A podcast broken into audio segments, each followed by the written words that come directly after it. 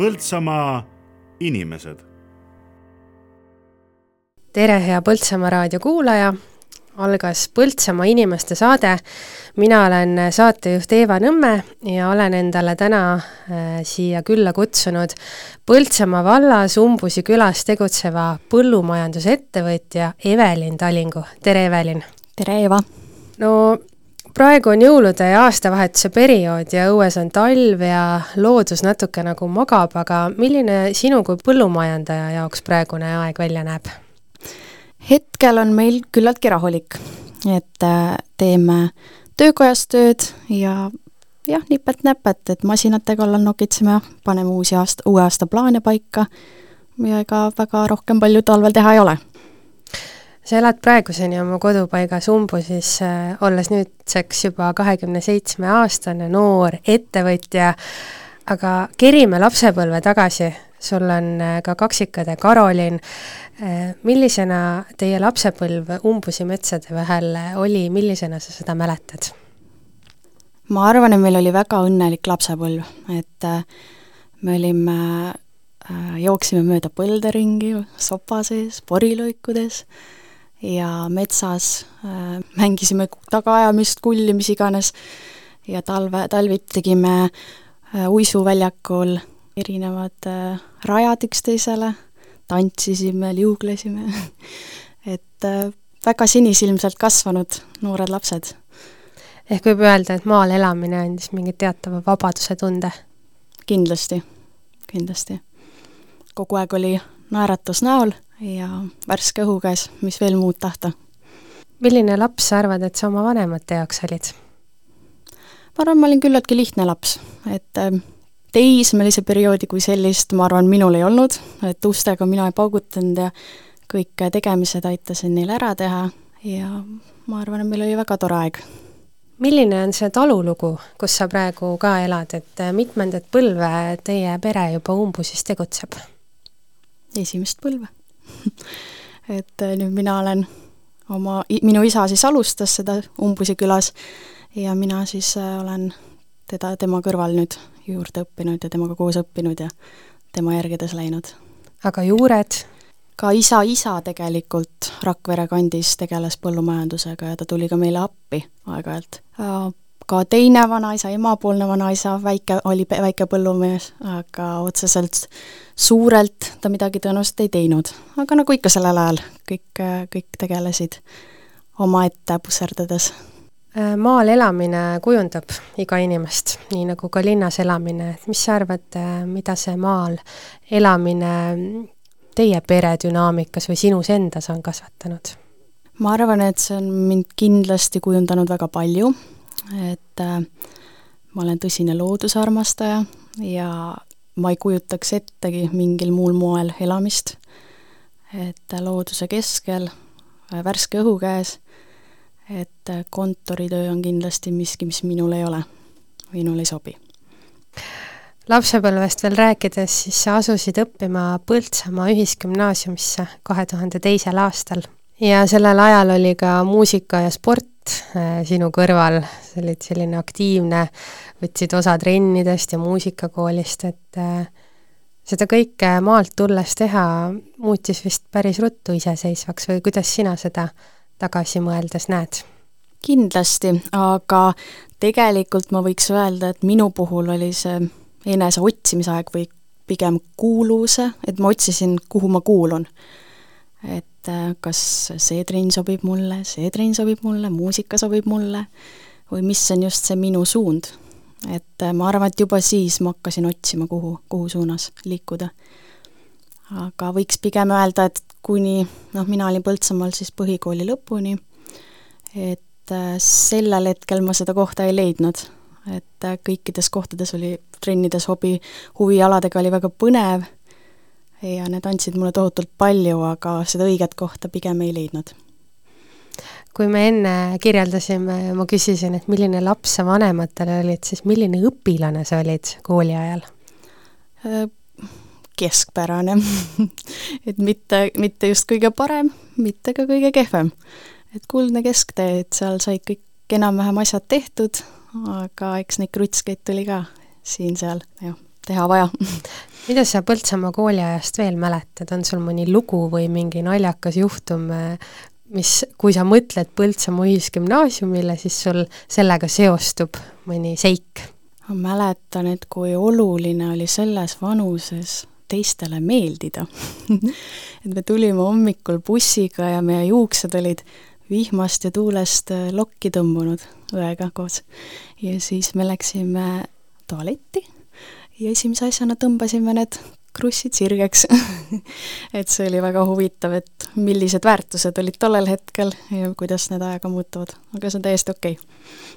kellelt need hobid, mis sulle siin Põltsamaal elades välja kasvasid, need äh, ütleme nii, sa juba mainisid, et sa nagu justkui otsisid iseennast, et küll oli trenn või küll oli muusikakool, aga on ka mingisugune äh, perekondlik soodumus on mõni laulumees või spordimees, et äh, kust need valikud sinu teele niimoodi tulid?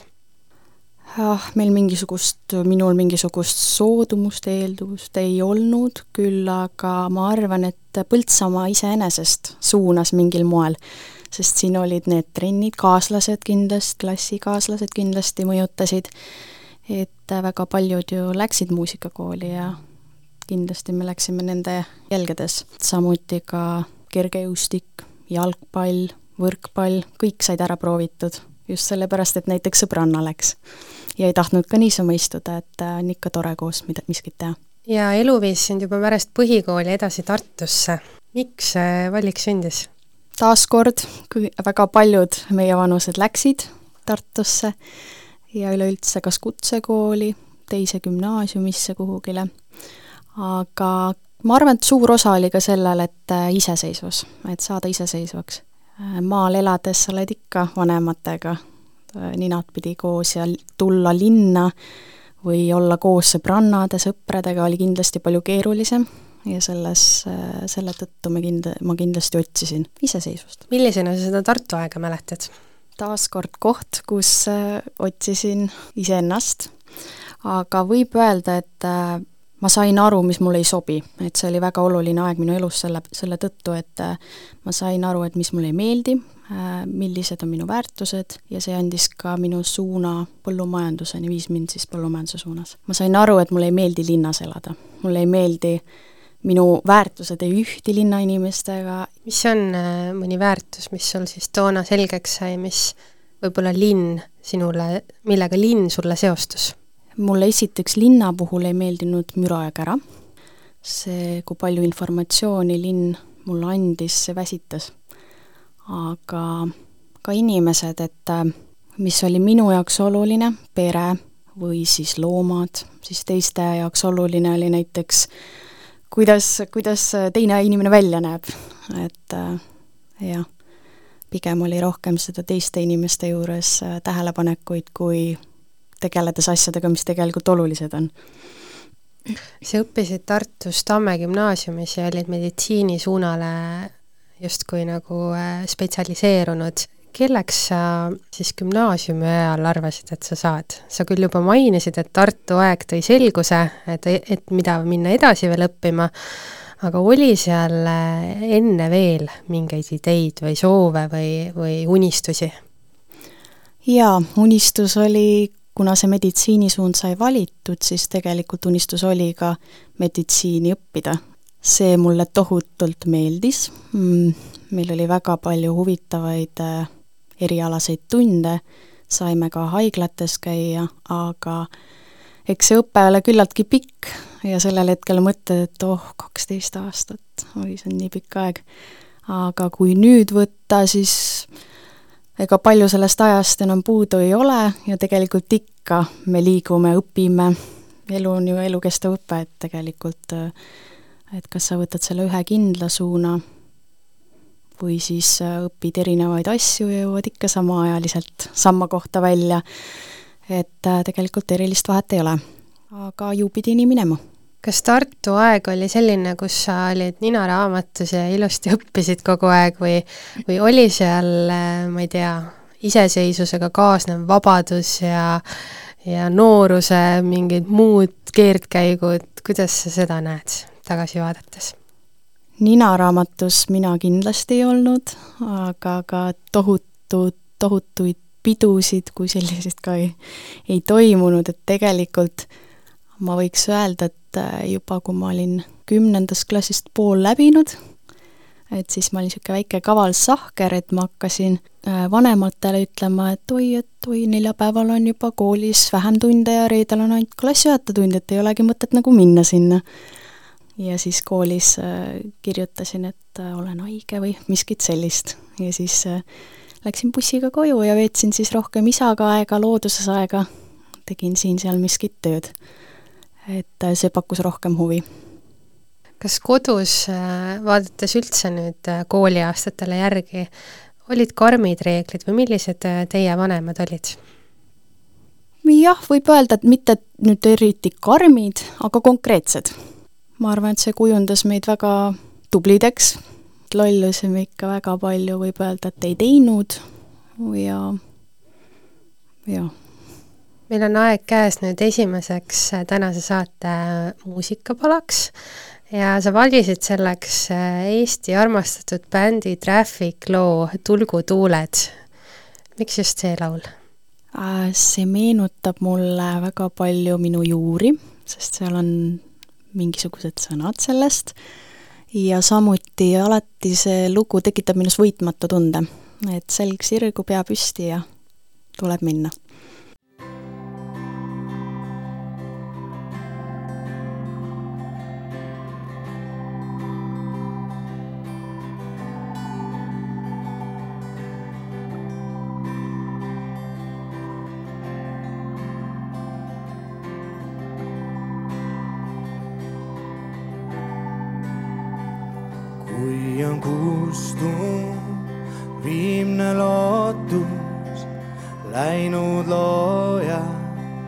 valguskiir hinga sisse, laseb alla julgel häälel lauluviis. kui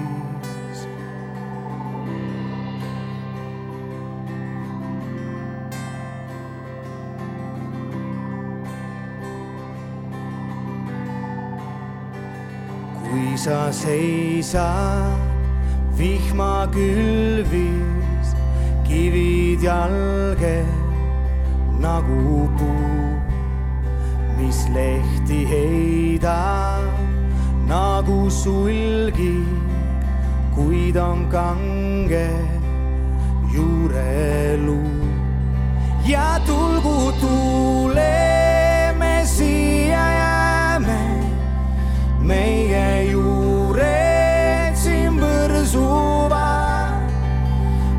äußerst, was du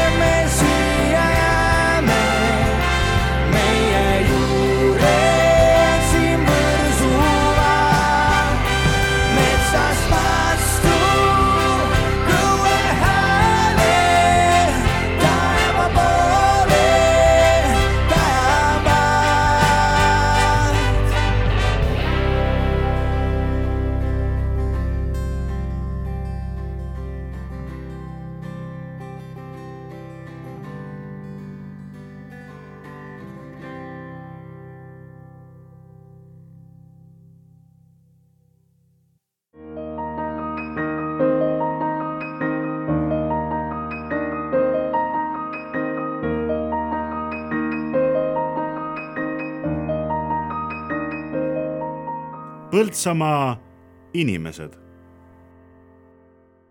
Te kuulate Põltsamaa raadiot, käimas on Põltsamaa inimeste saade ja külas põllumajandusettevõtja Evelin Taling Evelin, me jõudsime saate esimeses pooles rääkida natukene lapsepõlvest, natukene sellest, kuidas kõik teed eelnesid sellele, kuniks siis tuli otsus minnagi ennast harima eh, põllumajanduse valdkonnas. Ja sa omandasid oma eriala Olustvere teenindus- ja maamajanduskoolis. Ütleks nii, et praegune niisugune moevool on rohkem nii hariduse osas, et ikka ülikooli ülistav, ehk siis, et üsna ebatraditsiooniline valik noorelt inimeselt minna hoopiski kutsekooli. Äh, kuidas sinul tekkis tunne, et Olustvere on just õige valik? kõhutunde järgi käib kõik minu elus. aga võib öelda, et äh, see oli väga mm, teistmoodi valik, sest et ma ei läinud äh, keskhariduse baasil õppima Olustveres, vaid põhihariduse baasil, et ma sain äh, teha kolm pool aastat kahe poole aastaga, õppides ainult eriala aineid, küll aga ma tahtsin just seda õpet just sellepärast, et äh, ma tundsin, et, et kuna minul puudus äh, otseselt siis äh, väga tohutu kogemus selle põllumajandusega, siis ma arvan, et see oli hea variant minna Olustverre. mõte oli ka Maaülikooli minna aga ma tundsin, et see on liiga teoreetiline minu jaoks ja ja Olustvere oli pigem praktiline, seal oli agronoomiat, seal oli tehnikat, vastas minu vajadustele. mida ootab ees üht noort inimest äh, siis, kui ta on teinud otsuse minna Olustverre õppima, kuidas see välja näeb? meil on kindlasti ka kuulajaid, kes on praegu sellises vanuses, et nad saaksid valida sama valiku nagu sina. mis neid siis ees ootab? Elu Olustveres oli väga kirev. inimesed, et kui sulle meeldib looduse keskel olla, siis see on ideaalne koht, äh, seal on äh, väga südamlikud inimesed ja seal on väga erinevad erialad ning samuti see kõik toimub äh, looduse keskel. ta ei ole liiga suur kool, ta ei ole liiga väike kool, et kindlasti on seal äh, jah, erine-, väga erinevaid külgi, nagu igas koolis, aga just see, et ta on maal, see kindlasti ühendab paljusid. too mõned näited äh, ainetest, mida te seal õppisite? põllumajanduse erialal siis ikkagi on agronoomia, metsandus, traktoriõpe, äh, on ka arvutiõpe muidugi, seakasvatus, veisekasvatus, et kõik need teemad, mis põllumajandusega seotud on, on esimesel aastal siis tuleb läbida üle, üleüldised teemad no mina õppisin ajakirjandust ja minu kursusel oli selline tasakaal, et enamus olid äh, naissoost ja siis mõni meessoost eksis ka ära. et kas võib siis äh, aimata, et Olusteres oli nagu vastupidi, et oli kuidagi noh, ei taha küll nüüd stereotüüpe siin rõhutada, aga et kui ma niimoodi Olustere kooli peale mõtlen, siis tekib justkui tunne, et võib-olla põhiliselt olid siis mehed ja siis mõni äh, noor naisterahvas ka vahele eksinud või kuidas, kuidas teie ajal see oli? Põllumajanduses võib täitsa öelda, et oli kakskümmend protsenti naisi ja kaheksakümmend protsenti mehi. et äh, nii ta oli. miks sa arvad, et see nii on? ma arvan, et põllumajandus ei ole väga valitud naissoost isikute poolt, et loomakasvatus küll ja rohkem inimesi oligi loomakasvatuse pool, just naissoost isikuid. küll aga teraviljakasvatuses äh, neid ei leidu kas see eriala on kuidagi ajalooliselt jäänud rohkem meeste alaks või, või näed sa nüüd, et, et sina ise, olles naine, teinud sellise valiku, et on, on see siis naisele kuidagi raskem või, või miks, miks see kaheksakümmend, kakskümmend just niipidi on? naissugu on õrnem pool, et eks selle tõttu see on niimoodi kujunenud, et äh, ma tunnen, et kindlasti on naistel keerulisem füüsiliselt et äh, kui sa mõtled äh, traktori peale, selle hoolduse parandamise peale, et äh, seal on vaja sellist jõudu mõnikord, kus nai-, naine ei tee mitte midagi sellisel juhul. küll aga kavalusega on muidugi võimalik kõike teha. aga ma arvan, et see on jah, tuleb, tuleneb ikkagi ajaloost, et mees, see on meeste eriala olnud ja nii ta on jäänud küllaltki Tartu ajal see tunne, et minna Ollustverre tekkis ja ilmselt äh, võib siis aimata, et selle tunde üks niisuguseid juuri tuli kodust, et seda sa olid juba ise näinud ja isa kõrvalt saanud proovida teha. kas sellel oli veel mingeid põhjuseid, et just selline erialavalik? ütleks, et pigem ei, aga, aga isa poolt tuli jah, see suund, et et kui ma hakkasin seal rohkem käima kodus ja temaga aega koos veetma, siis tegelikult see oli esimene kord, kui ma üldse kokku puutusin, ma olin seitseteist aastat vana, nüüd siis kümme aastat tagasi, et äh, ma ei teadnud väga lihtsaid asju praeguses mõistes minu jaoks. Äh, et laagrid, pukid, võllid, et äh, et siis ma hakkasin küsima, miks nii, miks naa, mis see teeb, mis too teeb. ja siis hakkas ka huvi tekkima kõige vastu, miks on talliteravili, miks on suviteravili et see oli väga-väga huvitav minu jaoks ja mida rohkem ma sinna sisse sattusin, et seda rohkem tundus, et see mulle sobib. kas isa on sinu jaoks erialas olnud kõige suurem õpetaja? kindlasti. kindlasti, jah. et äh, et on olnud väga kannatlik, ütleme nii, et et kui mitmeid kordi küsid ühte sama küsimust, et siis äh, ta on ikkagi selgitanud mulle ja üritanud mind selles suunas äh, viia oma Olustere aegse kohustusliku praktika sa otsustasid teha Kanadas ja see on üsna selline tavapäratu valik. kuidas selline valik sündis ja milline see praktika seal välja nägi? valik sündis selle tõttu, et ma ei olnud, ma ei leidnud kohta Eestis, kus praktikat teha ja ma hakkasin natuke laiemalt mõtlema ja ma olin alati tahtnud minna välismaale, aga kooli ajal ei tulnud see mõttessegi ja siis ma jah, kuidagi leidsin tuttava tuttava kaudu kellegi, kellel olid kontaktid Kanadast ja siis ma tegin ühe kõne ja nad olid väga huvitatud. ja siis ma hakkasin ka viisa asju ajama, et ta läks päris sujuvalt. kus piirkonnas sa Kanadas olid? Toronto lähistel aga nüüd täiesti teistsugune, teisel pool maakera nagu, et eh, milline siis sealne selline põllumajanduskultuur oli, kui sa seda praeguste kogemustega kõrvutad eh, ja mõtled tagasi siis Kanada ajale? Kanada aeg oli siis, mastaabid esiteks on juba palju suuremad, masinapargid on suuremad, inimesi on rohkem et see kindlasti, see ei erinenud, Kanada põllumajandus ei erinenud nii palju Eesti omast. et me jõuame kindlasti ka sinna Austraalia teemadele, et siis võrreldes sellega oli Kanada ikkagi üsna Eesti-lähedane. mis sul veel Kanadas olemisest meeles on? enamjaolt töökogemus, ega seal lähed tööd tegema, siis sa tööd seal teed, et otseselt sellist vaba aega ja nautimist äh, ei jää, et kui on põllumajanduses hooaeg, siis teada on, et on pikad päevad ja tuleb tööd teha. et see on elustiil ja nii on. et vihmastel päevadel on võimalik võib-olla mõni hingetume teha, aga siis on ka remontimistööd, et, et see on jah, selline huvitav eriala. kui nüüd elus kunagi veel teed viivad Kanadasse, siis sul on seal oma perekonnad ees ootamas, kes sind jälle näha tahavad või milline see sotsiaalelu seal Kanadas oli? ma võiks öelda, et Kanadas võib-olla mitte nii väga et äh, seal oli päris äh, tööpõhine äh, suhtlus, aga kui me jälle jõuame siin Austraaliani tagasi, siis seal küll on kindlasti perekonnad. nii, aga jõuame siis sinna Austraaliani, et siis sa olid Kanadas praktikal, tulid Eestisse tagasi, lõpetasid siin Olustvere. et mis hetkel tuli teemaks Austraalia?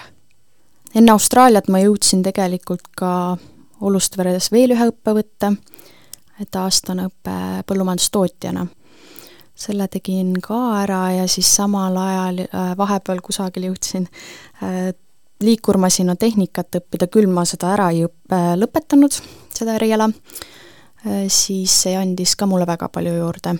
aga pärast neid koole ma mõtlesin, ta-, talviti tekib minul alati see tunne, et äh, ei taha istuda, on rahulikum, noor inimene tahaks teha, minna, ja siis ma otsustasin, et äh, läheks Austraaliasse, tahaks just kombaini peal saada rohkem kogemust.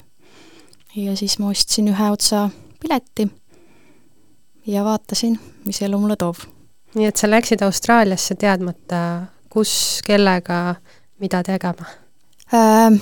Jah, aga ma teadsin, et ajaliselt võiks olla maksimum kuu, kolm kuud. ja jõudsid siis kohale, mis sind ees ootas? ees ootas mind äh, suur linn väga kuumus, väga, väga suur kuum-, kuumus ja siis äh, läksingi kohe agentuuri, kus ma siis kirjeldasin, mis masinatega ma sõitnud olen, mis töid ma teinud olen, mis kogemus mul üldse siis põllumajandusega on. ja siis järgmisel päeval sain juba kolm pakkumist ja siis võtsin ühe vastu ja hakkasin siis Põhja-Austraaliast äh, Lõuna-Austraaliasse välja äh, kombainerina siis tööd tegema.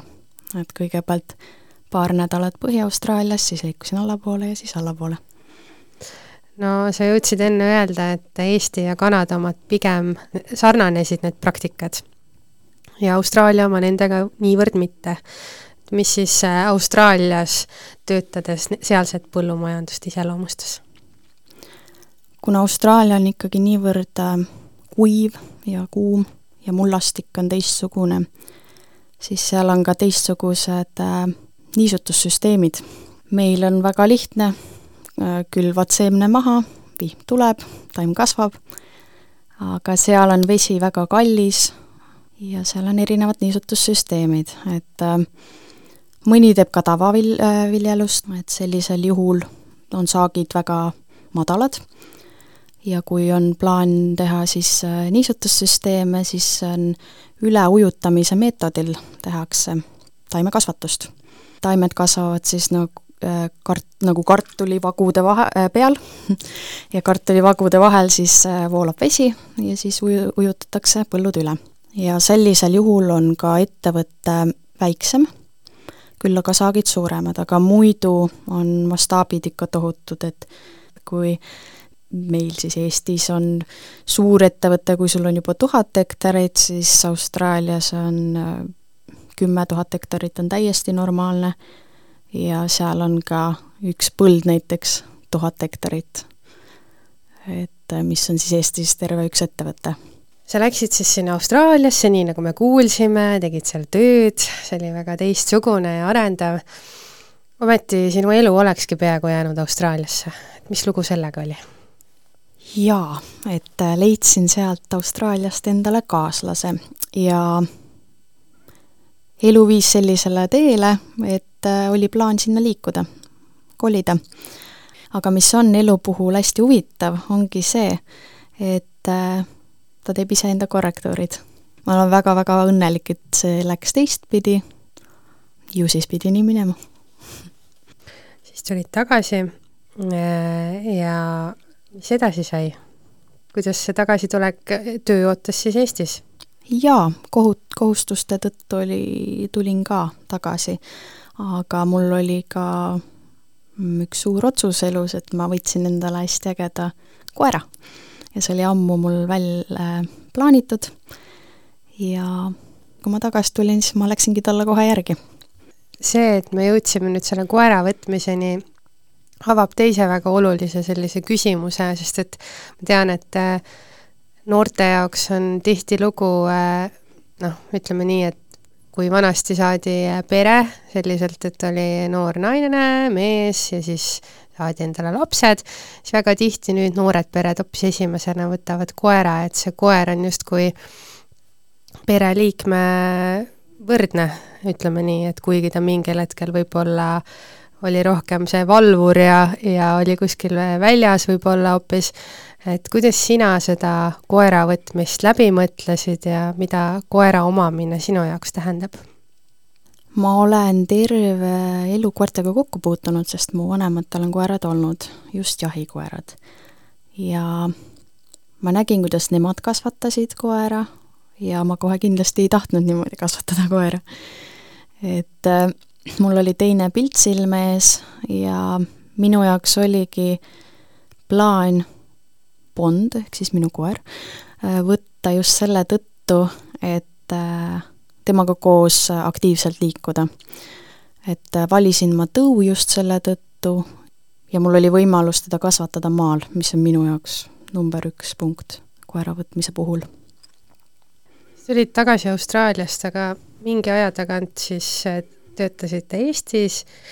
Ja ma tean, et äh, tee viis sind põhjanaabrite juurde Soome, kus vilja kasvatamise asemel sa tegelesid hoopiski talus loomadega, et midagi täiesti uut, noh ilmselt kui mõtleme tagasi nüüd Olustveres õpitule, kus käis läbi ka loomakasvatus, siis seal oli mingi äratundmisrõõm, aga muus osas mõeldes nagu oma praeguseid tegemisi ja seda suunda, mis võib-olla koduseinad on kaasa andnud, siis see oli midagi täiesti uut, et äh, mida see aeg Soomes sinuga tegi, sinu jaoks näitas?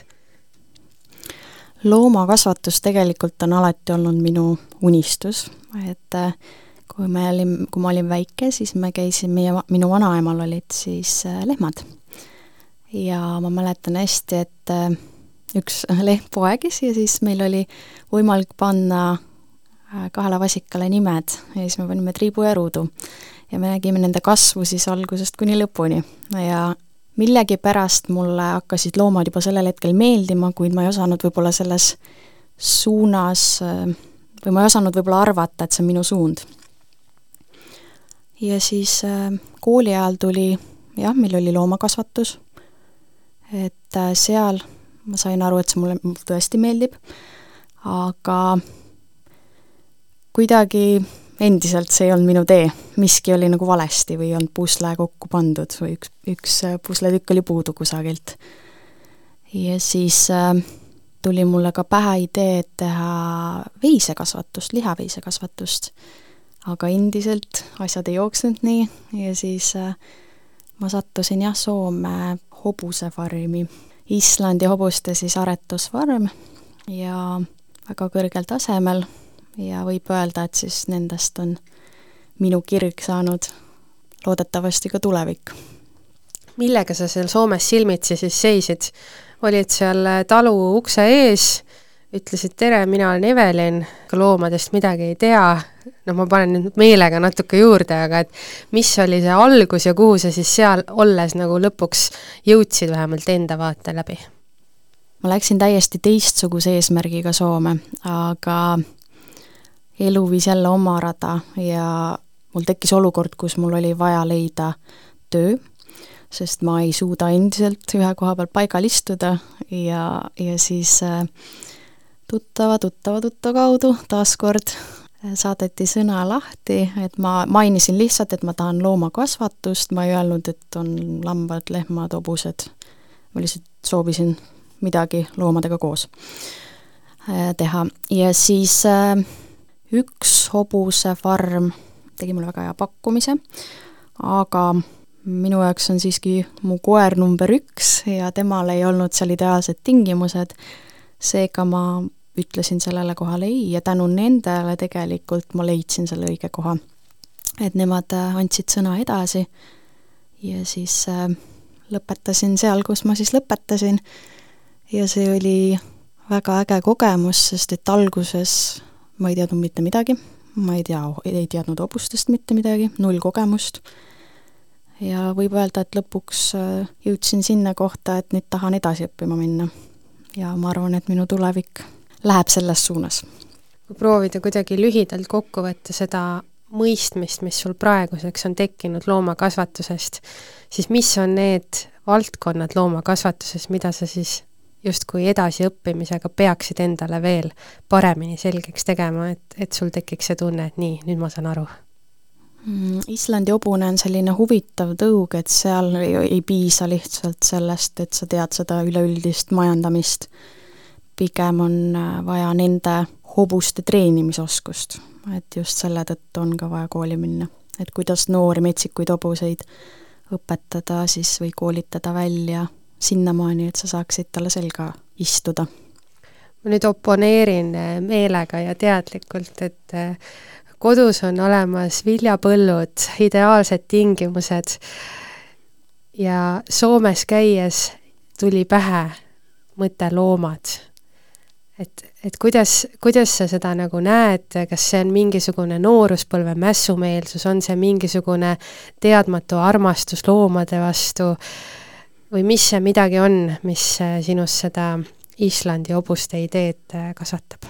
võib-olla pilt minu peas, et kahekümne aasta pärast ma tean, et ma tahan olla ümbritsetud nendest loomadest ja mitte ainult ühest loomast, vaid suurest karjast, et äh, loomad minu jaoks, nad annavad väga palju ja emotsioon ja nende karakter, et see on hästi põnev.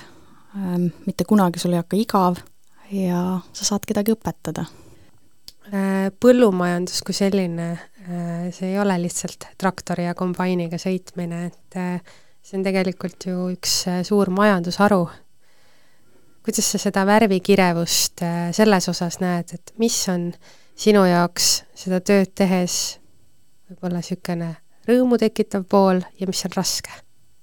rõõmu tekitav pool on kindlasti see, et sa saad hommikust õhtuni värske õhu käes olla, sa saad erinevaid töökülgi näha, et ei ole ainult, et tõstad seda asja siia ja niimoodi päev otsa, vaid et sul töö vaheldub pidevalt aastaaja kohaselt ja samuti ka, ka päeva mõistes. et äh, kõik päevad on erinevad.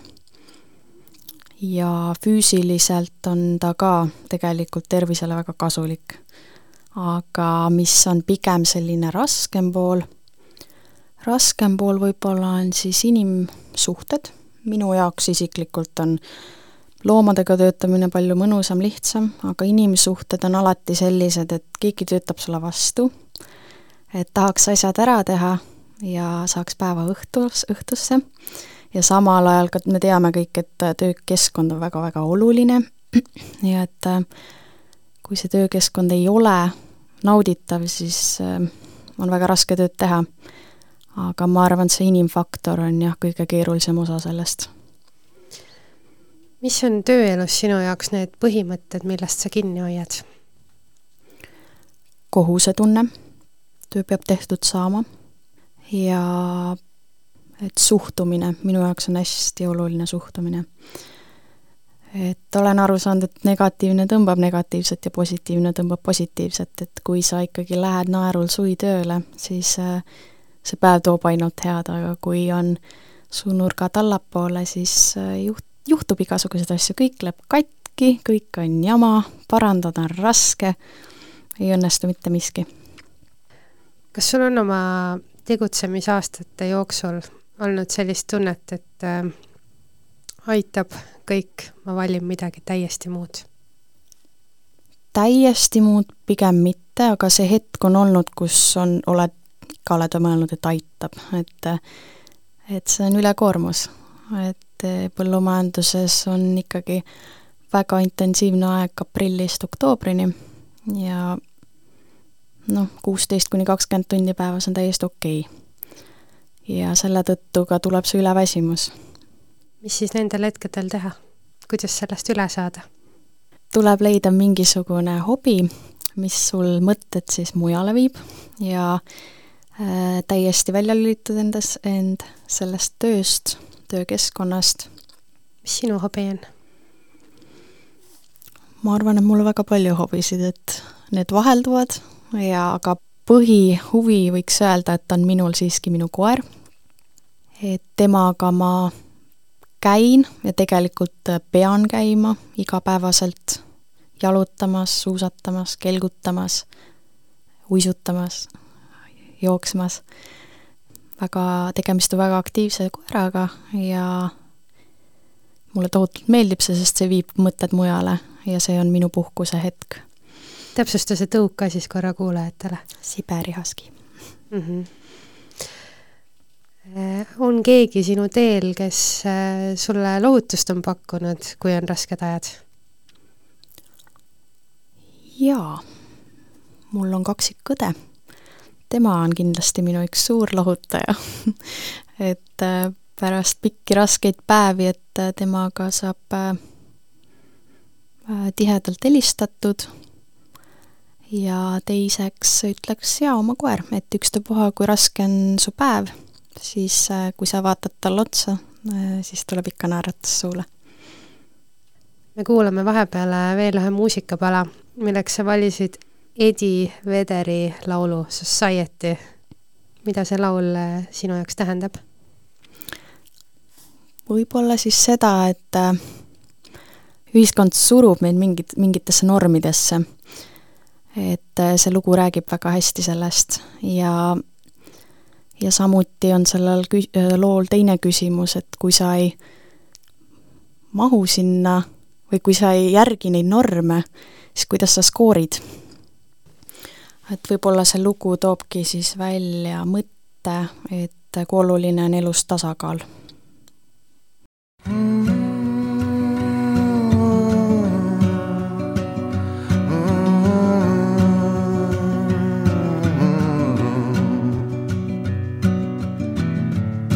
It's a mystery to me. We have agreed with which we have agreed. And you think you have to want more than you need. Until you have it all, you won't be free. Society, you're crazy breed. Hope you're not lonely without me.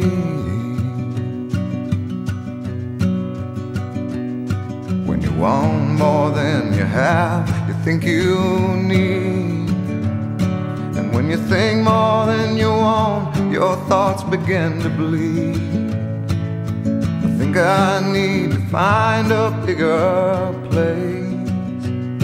Cause when you have more than you think, you need more space. Society, you're crazy breed. I hope you're not lonely without me. Society, crazy indeed. I hope you're not lonely without me.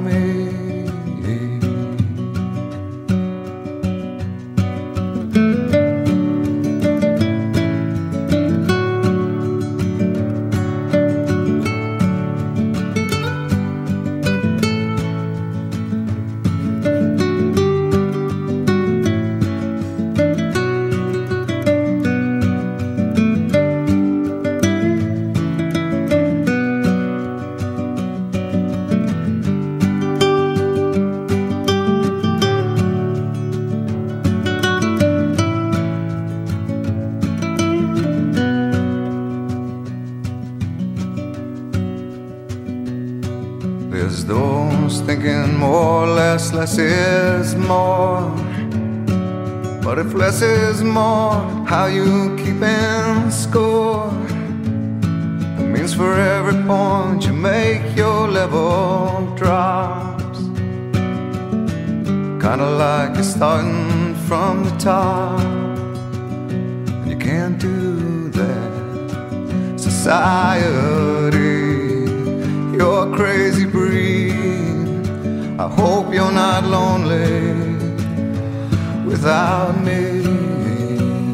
Society, crazy indeed. I hope you're not lonely without me. Society, have mercy on me. I hope you're not angry.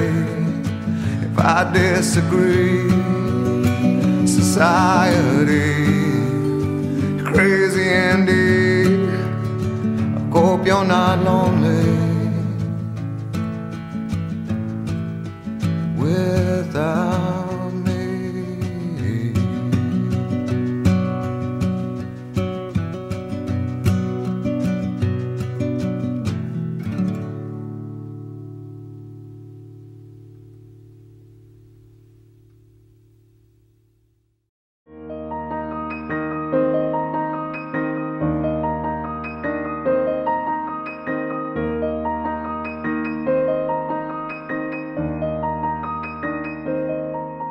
Põltsamaa inimesed. Te kuulate Põltsamaa raadiot ja eetris on äh, saade Põltsamaa inimesed ja saatekülaline tänases saates Evelin Taling. me oleme rääkinud äh, lapsepõlvest Põltsamaal erialast, milleks on põllumajandus, mis noore naise jaoks on üsna ebatraditsiooniline. ja saate viimases osas me räägime natukene sellest maaelust ja võib-olla tulevikusoovidest veel sel aastal äh, kohtus peaminister Kaja Kallas Põltsamaa naisettevõtjatega ja sina olid seal seltskonnas üks noorimaid. kui oluline on sinu jaoks sellisesse seltskonda kuulumine üldse? kui ma aus olen, siis tegelikult mitte väga.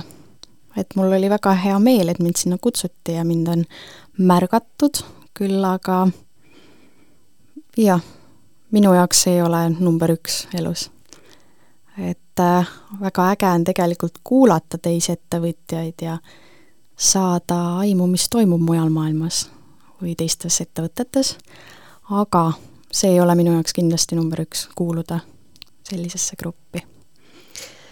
aga kes on need äh, inimesed või äh, või mingid suunad või mõtted, äh, mis sinu jaoks kuidagi määratlevad eeskuju või kes on sinu eeskujuks? või mis on sinu eeskujuks? et eeskujuks pigem ma võiks öelda, et on inimesed, lähedased inimesed minu ümber ja need inimesed, kellest ma siis kinni hoian. et ja kindlasti ma, mina ise. et tegelikult ju me peame iseendaga elama päevast päeva ja tore oleks, kui me oleksime iseenda eeskujuks ka vahepeal. aga jah, ma ütleks pigem, et lähedased inimesed, sõbrad, tuttavad. aeg on siis minu jaoks kõige väärtuslikum ja hindamatum asi ja ma arvan, et äh, seda aega panna õigesse kohta, see on ülioluline. Minu eeskujuks on minu lähedased inimesed, siis nendele ma selle aja panustaksin. me oleme tänases saates jõudnud rääkida peaasjalikult äh, tööst, erialavalikust, aga ka sellest, kui oluline on loodus ja looduse sees olemine. mis on need asjad, mida olles nüüd ise noor naisettevõtja põllumajanduses, millest, millest sina unistad? Lihtsatest asjadest, et äh, enesearendamisest, aga ka väga lihtsast asjast, et sa ärkad hommikul üles, teed kohvi, kõnnid terrassile ja vaatad, mis sa siis saavutanud oled, et see kõik oleks lähedal, see kõik oleks sinu pere, olgu selleks siis inimesed, loomad, et ma tunnen jah, et et pigem jah, lihtsad asjad on minu jaoks, pakuvad minule rõõmu. ja naer, naer kindlasti kas Eestis äh, olla naine põllumajanduses on kuidagi äh, lihtsam või raskem, kui sa seda võrdled nüüd teiste riikidega, kus sa seni käinud oled ja sama eriala saanud praktiseerida? ma arvan jah, et äh, põllumajandus Eestis või siis välismaal, et ma arvan, et on täpselt sama lihtne või sama raske. et naistele vaadatakse ikkagi samamoodi suurte silmadega otsa küsitakse, et äh, miks selline erialavalik. aga nii on, et äh, tuleb endale kindlaks jääda ja teha seda, mis sulle meeldib teha. No äh, olles nüüd ikkagi Põltsamaa raadioeetris, siis ei saa üle ega ümber sellest äh, kohast, kus me viibime. ja mm, mõnda aega tagasi ma vestlesin oma noore sugulasega, kes siis äh, andis vihjeks niisuguse äh, oma tunde või sisetunde, et äh, et no saaks juba kuskile siit välja, et enam ei jaksa siin Põltsamaal olla ja täiesti arusaadav, ma arvan ise tagasi mõeldes kas või iseenda elule, et ju ma olen ka midagi sellist tundnud. Kas sina oled midagi sellist tundnud või, või kuidas on nii, et sa ikka elad siinsamas, kus sa oled ka sündinud? ma olen seda kindlasti tul-, tundnud, et äh, kas või pärast üheksandat klassi, kui ma tahtsin niinimetatud siis iseseisvaks saada. et äh, aga tõi see tee mind tagasi ja pärast seda õpingute tõttu ma käisin ära, aga ma ju tegelikult äh, väga tihti tulin tagasi Põltsamaale. ma arvan, et Põltsamaa jääb meie südamesse, kes iganes me kõik siit pärit oleme. et sellel on mingi oma, oma võlu. Paljud seostavad Põltsamaa nime, kes siin on elanud, siis justkui äh, sõnaga kodu. aga mis sinu jaoks sõna kodu tähendab? minu jaoks sõna kodu tähendab äh, soojust ja et sinu ümber on õiged inimesed, äh, sul on turvatunne ja sa saad nendega olla see, kes sa oled. meie saade hakkab äh, lõpule jõudma, äh, aga kuna vana aasta lõpus on ikka kombeks soovida, siis ma annan sulle nüüd võimaluse soovida midagi meie headele kuulajatele, Põltsamaa inimestele ma soovin teile kõigile häid jõule ja head uut aastat, et et olge siis koos äh, lähedastega, nautige seda soojust ja turvatunnet. Saadet jääbki lõpetama siis sinu äh, viimane valitud lugu, mis kannab äh, pealkirja inglise keeles Home. kas sellel laulul on ka mingi lugu? see on äh, läbi aastate minu äh, listis olnud just seetõttu, et kui ma olen välismaal rännanud, siis see lugu räägibki, et vahet ei ole, kui kaugel sa oled kodust, et siis leia need inimesed enda ümber ja proovi mitte üksi olla, et kodu on kodu. Ja need on inimesed sinu ümber. aitäh, Evelin, et sa täna meie saatesse tulid! aitäh sulle! Te kuulasite Põltsamaa inimeste saadet, mina olen saatejuht Eeva Nõmme, kuulake ikka Põltsamaa raadiot